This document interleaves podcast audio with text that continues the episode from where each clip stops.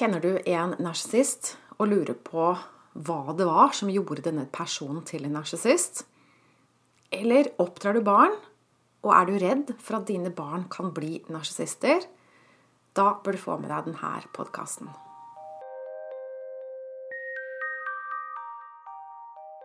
Jeg heter Line Strandvik. Jeg jobber online som personlig veileder, hvor jeg hjelper deg tilbake til sannhet, hvor livet er ekte og meningsfylt.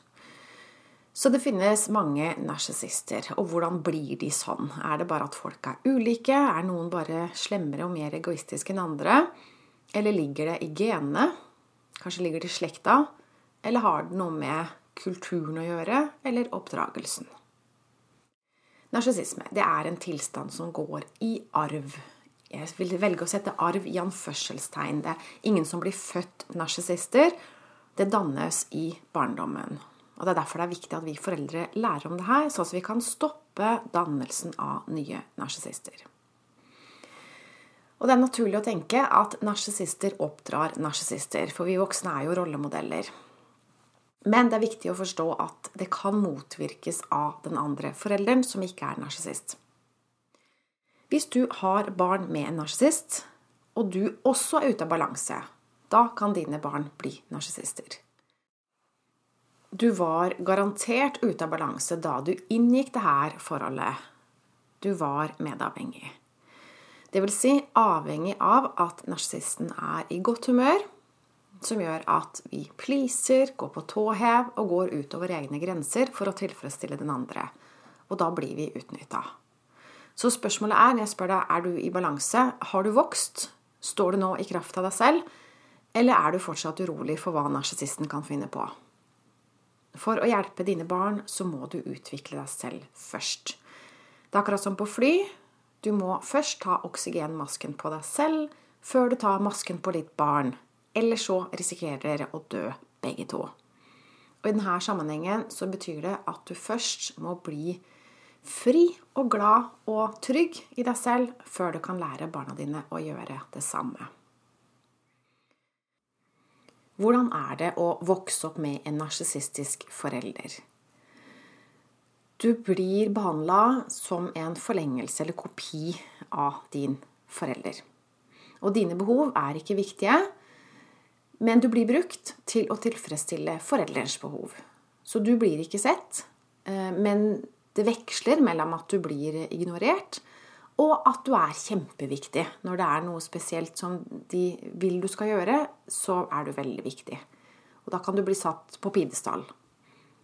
Og det typiske er at barnet får dekka alle sine materielle behov.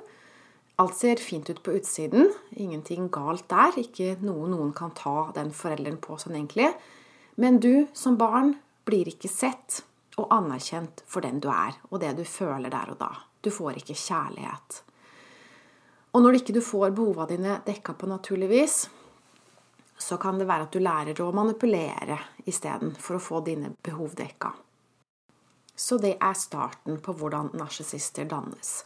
Men så er det sånn at barn som vokser opp i en sånn dysfunksjonell familie, som består av en mor eller far som er eh, medavhengig og narsissist, det er et par, disse barna blir gjerne også medavhengige eller narsissister, med mindre foreldrene utvikler seg. Men hvis ikke foreldrene um, oppdager dette mønsteret og bare lever sånn hele livet, så er det veldig vanlig at barna også blir medavhengige eller narsissister. Så spørsmålet er hva er det som avgjør om barnet blir medavhengig eller narsissist? Og her kommer din rolle som medavhengig inn. For tenk deg at du har fått barn med en narsissist eh, dere er skilt, og du ser at barnet blir veldig dårlig behandla hos den andre forelderen. Eh, barnet kan ikke gjøre noe galt. Alt er galt med barnet hele tiden. Blir mye kritisert. Og du får kjempedårlig samvittighet. Dårlig samvittighet for at du fikk barn med en narsissist. Rett og slett. Og hva gjør du? Kanskje prøver du å kompensere. Eh, så når barnet er hos deg, så skal du legge plaster på såret og rette opp i dette.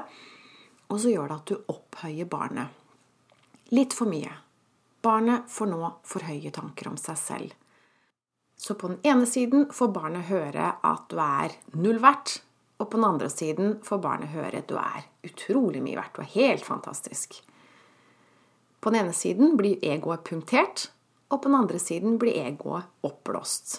Ingen av de her er riktig. Men hvilken versjon av seg selv tror du barnet velger å identifisere seg med?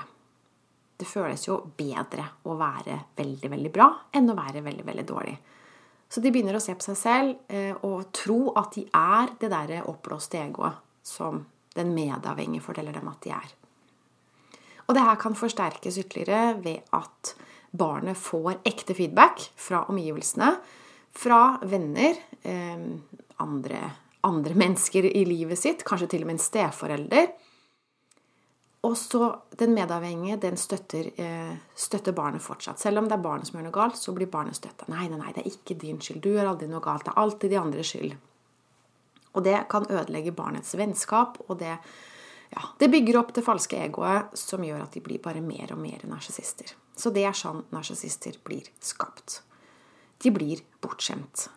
Og bortskjemt, å skjemme bort barn, det er barnemishandling.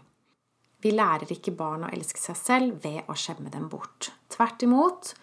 Hvis du lar barna dine bli slemme uten å korrigere dem, så får de et dårlig forhold til seg selv. Det blir vanskelig å elske seg selv. De kommer ikke til å elske seg selv. Men de kommer til å dyrke sitt falske ego og få andre mennesker til å dyrke det falske egoet deres. Men kjærlighet, det er det ikke.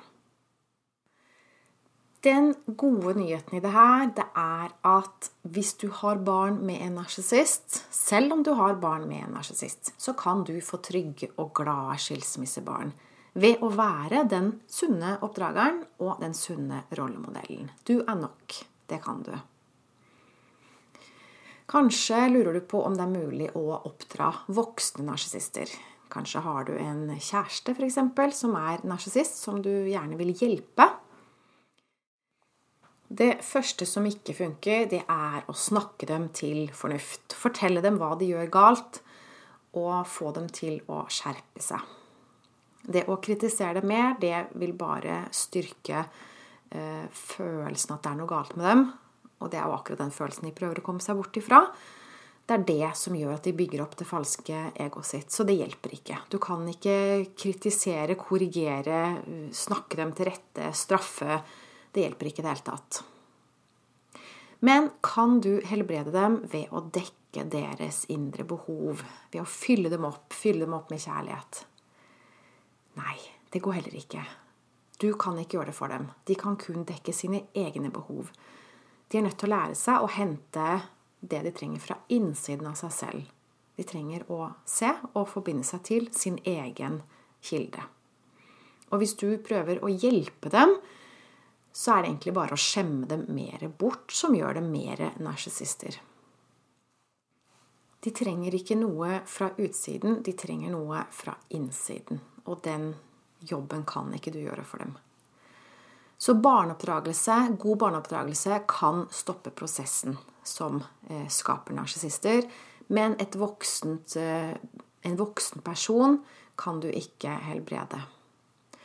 Det beste du kan gjøre for voksne narsissister, er å ikke gjøre det verre ved å skjemme dem bort ytterligere. En typisk kombinasjon det er kombinasjonen av egoisten og den selvutslettende personen.